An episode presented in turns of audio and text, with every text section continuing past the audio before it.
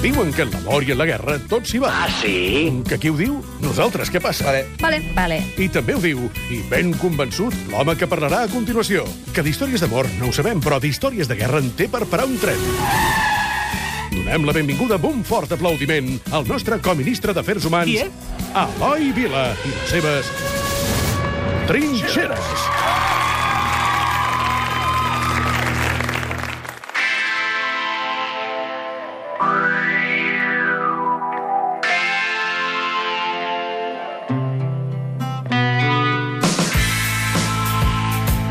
Bona tarda, Eloi Vila, com estàs? Molt bona tarda, adaptant-me al nou càrrec. Bueno, M'agrada, eh? M'agrada, però m'estic adaptant al nou càrrec. notes molta pressió, la gent et reconeix pel carrer, et demana coses... Home, és molta responsabilitat, Clar, eh? sí, sí. Com a ministre és molta Sí, responsabilitat. bueno, i president què?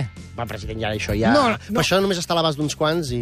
No, et diré que és menys feina, president, eh? Perquè Sí? delegues molt, amb els coministres. I ho fas bé, això de delegar? Molt, molt, sóc bastant campió, això, que vosaltres feu la feina i jo m'endugui els mèrits.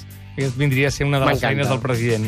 Per exemple, un dels mèrits d'avui és que l'Eloi Vila, com a coministre, ens explicarà una història molt potent i jo aniré dient que sí, que sí a tot el que digui. Es porta una història d'amor, d'amor a la família, d'amor a uns ideals, però és una història dramàtica i emocionant. És una història, Roger, que comença, eh, acaba a les Terres de Lleida, però comença molt més al sud. I perquè ens situem històricament, perquè tinguem una mica de context de com arrenca aquesta història, hem d'escoltar aquest document sonor. És un document sonor històric de la Filmoteca Espanyola, per tant, l'àudio és una mica eh, eh, complex, eh? o sigui, no se sent molt, molt bé, però segur que deduïm perfectament què és el que passa en aquell moment històric de l'any 1939. Después de tomar Tarragona, nuestra su marcha victoriosa hacia el norte. El camino nuestras columnas se cruzaban con las de prisioneros que con paso cansino marchaban a la retaguardia. Al paso de nuestros soldados se abren las sonrisas y las manos.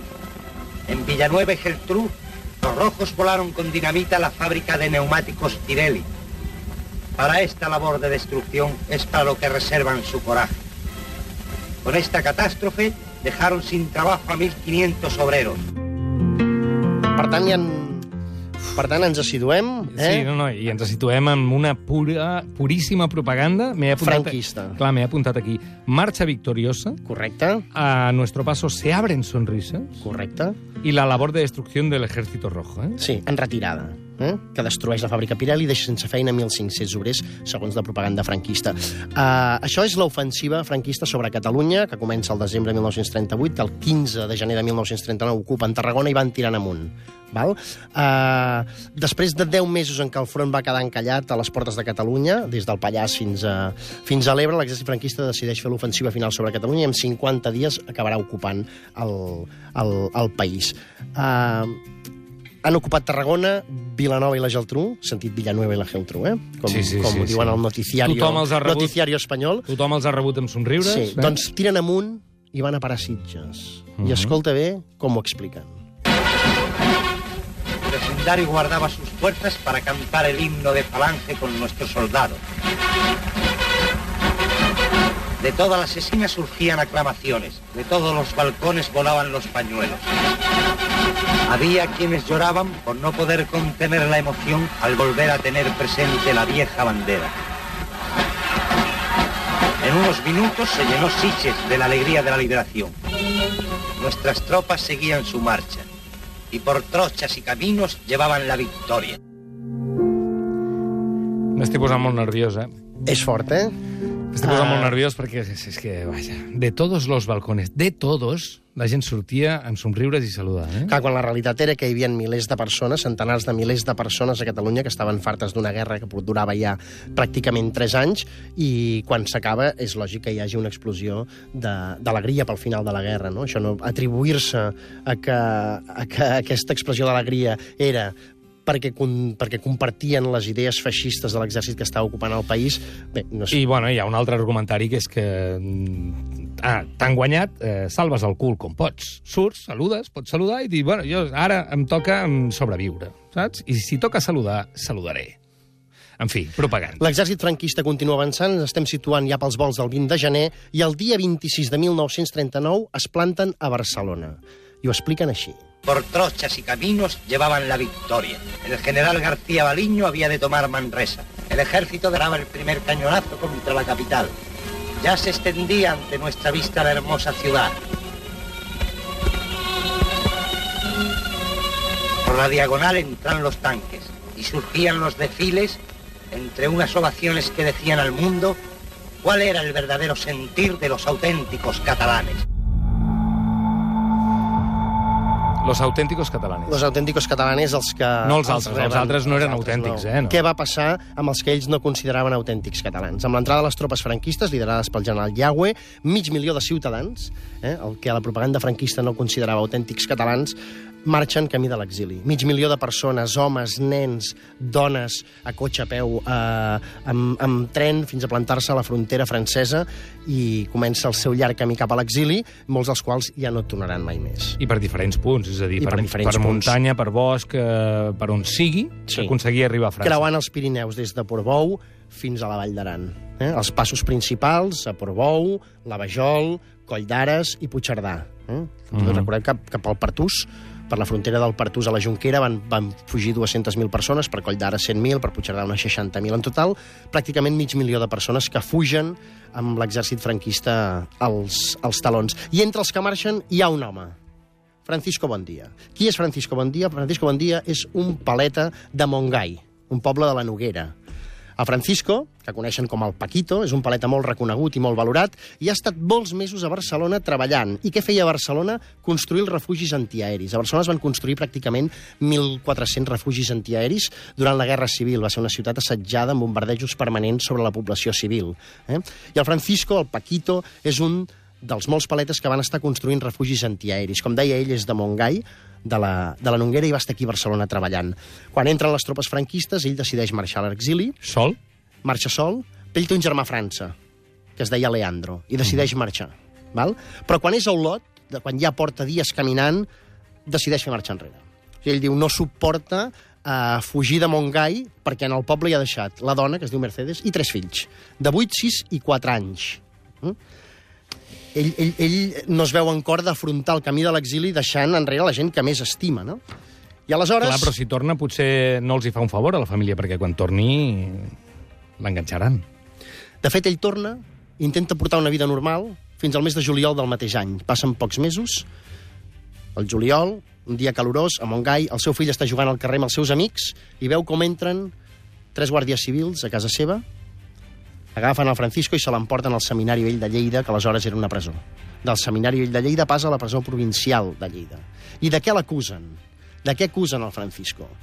L'any 36 eh, va haver-hi un procés de col·lectivització d'empreses a tot el país, val? les milícies anarquistes van col·lectivitzar les empreses i una de les coses que van col·lectivitzar va ser la cooperativa del Vilosell, que és d'on era el Francisco Bondia. Ell el van fer secretari i per això l'acusen falsament d'haver ordenat l'assassinat d'algunes persones conservadores i de dretes del municipi. L'agafen, se l'emporten a la presó provincial de Lleida finalment, Davant dels seus fills, davant del seu fill Leandro, el seu fill gran, que aleshores tenia 8 anys.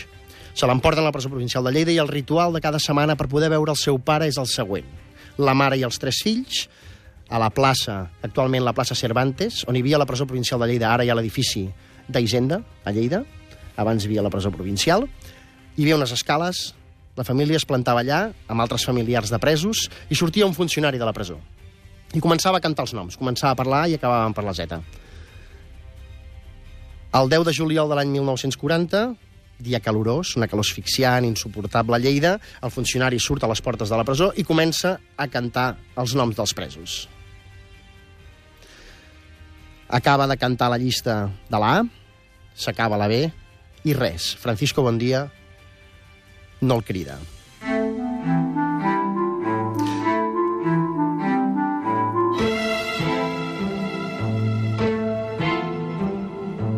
Tensió, calfred, suor, tremolors de la família... El funcionari arriba fins al final de la llista i no hi ha el nom de Francisco Bondia. Ells pensaven, potser el criden al final avui. Res. Silenci absolut, la Mercedes es desmaia, cau a terra com un sac. El seu marit és mort. En Francisco és mort, en Paquito, el paleta de Montgai, és mort, l'han afusellat. Setmanes després, la família rep les pertinences personals i entre totes les coses hi ha un plec de fulls escrits per en Francisco, els havia escrit a la presó, i els han trobat entaforats dins un matalàs de la cel·la. Són quatre escrits de comiat, N'hi ha un per cada fill, i un per la Mercedes i els seus tres fills.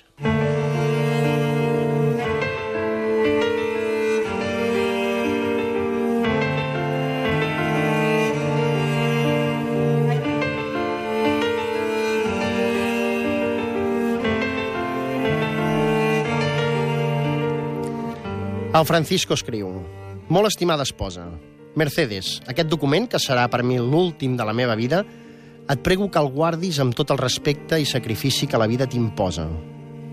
Es posa enmig del camí més difícil que he de troncar de la nostra felicitat, a la qual cosa et demano que, si algun dia, amb el teu esforç i sacrifici, arribes a assolir la felicitat que jo somiava, serà per mi, des del meu ja etern descans, el millor homenatge que em puguis brindar.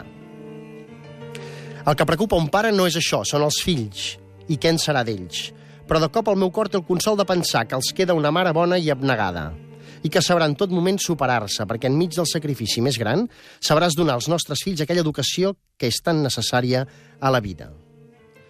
Així doncs us demano que enfonsats i fosos en un mateix cor no us separeu els uns dels altres. Com més forta sigui la vostra unió, més difícil serà que algú us separi. I això és molt bo.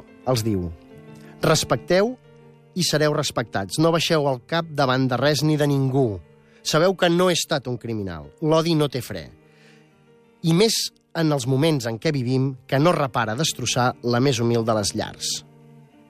Aquestes són les darreres línies que escric i la meva única voluntat. Respecteu i sigueu respectats. Rebeu la meva estima, que és l'últim moment de la meva vida. Us recordo per darrera vegada. Adeu per sempre. No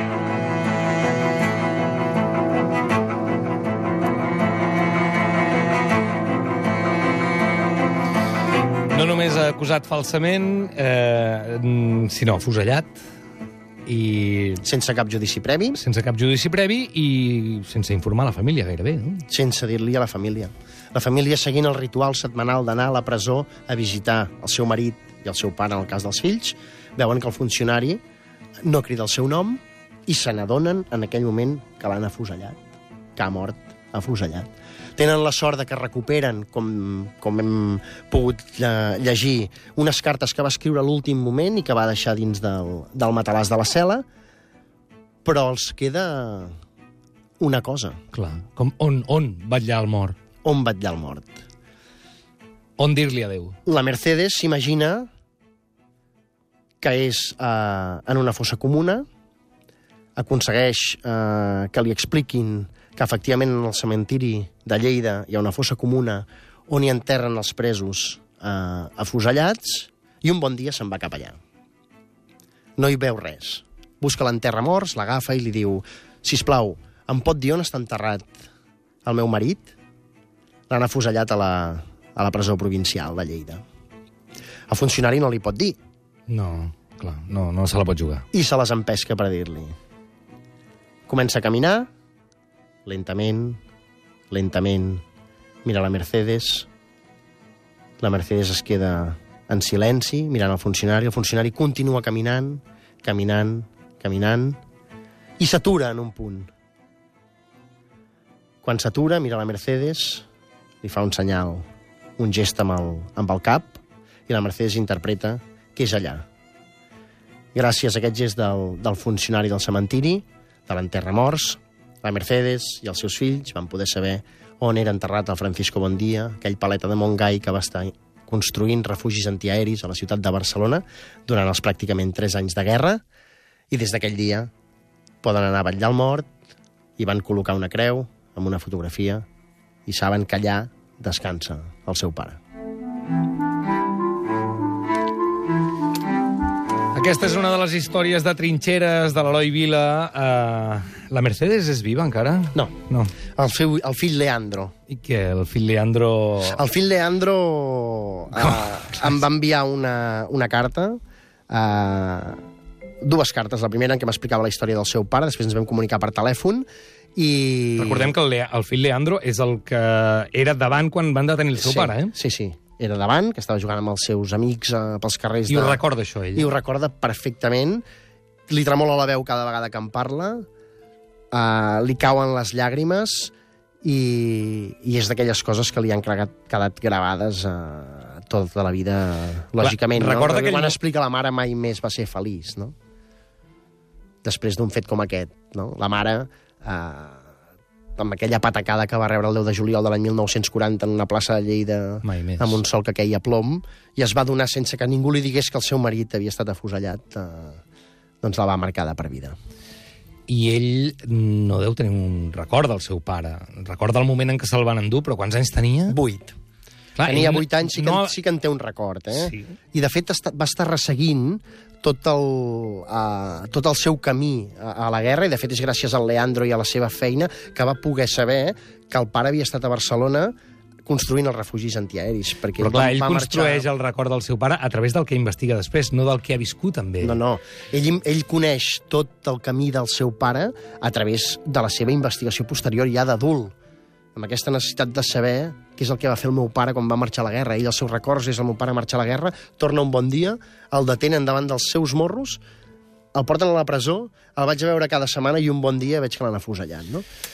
Una dona infeliç per sempre, un nen sense pare i que reconstrueix la Marcat figura per del sempre. seu pare, eh, una de les històries de trinxeres. Eh, per cert, el programa quan? De tele? Doncs, uh, Aviat, en no? principi, el mes de febrer. Mes de estem febrer. pendents de que es confirmi la data exacta de l'estrena per... per això, perquè estem ansiosos de d'estrenar i ara ens queda allò estem gravant l'últim capítol que és precisament la retirada que és el camí de la fugida des de Barcelona i nosaltres el que, es, el que hem escollit és el camí eh, fins a Camprodon el Coll d'Ares, per on van passar 100.000 persones, Prats de Molló, on hi havia un primer camp de concentració, uh -huh. i després resseguirem la cara nord del Pirineu eh, per Seret, Perpinyà, fins al camp d'Argelers. A la recerca de testimonis, a veure què ens trobem, a veure què... Argelers, on va ser el meu avi, per exemple. El teu avi va ser Sí, Argelers. sí, sí, sí, sí. Ho vas dir l'altre dia, que no en parlava. Sí, sí, sí, li costava, li costava. Mentre no arribin les trinxeres a TV3, de moment tenim, ja ho sabeu, cada setmana trinxeres aquí amb l'Eloi Vila. Estat un- M'agrada una cosa dir sempre, perdona, Sí, eh? Perdona, ja. només una cosa. Que aquesta història del Francisco Bondia, com aquesta història, n'hi ha milers, n'hi ha centenars de milers. I són a vegades els noms i els cognoms que ens permeten apropar emocionalment a uns fets que van passar fa 80 anys dramàtics, però que els podem extendre a milers i milers de persones Sí, que han sí. viscut el mateix, han tingut el mateix sentiment Sí. que el Leandro, el fill del Francisco. No, i també es pot extrapolar en el temps, i són històries que estan passant ara al mar Mediterrani, també. Eh, gent que fuig de la guerra, de l'horror, i després es troba la situació que es troba. Eh? He trobat molta gent, hem trobat molta gent que ens explica que ells fugint de, de l'exèrcit franquista tenien la sensació, quan ara veuen les imatges de refugiats eh, sirians eh, que creuen el Mediterrani, que arriben a Grècia i que segueixen el seu camí com poden, que, ten, que reviuen eh, aquells moments, no? Eloi, moltes gràcies. Que vagi molt bé.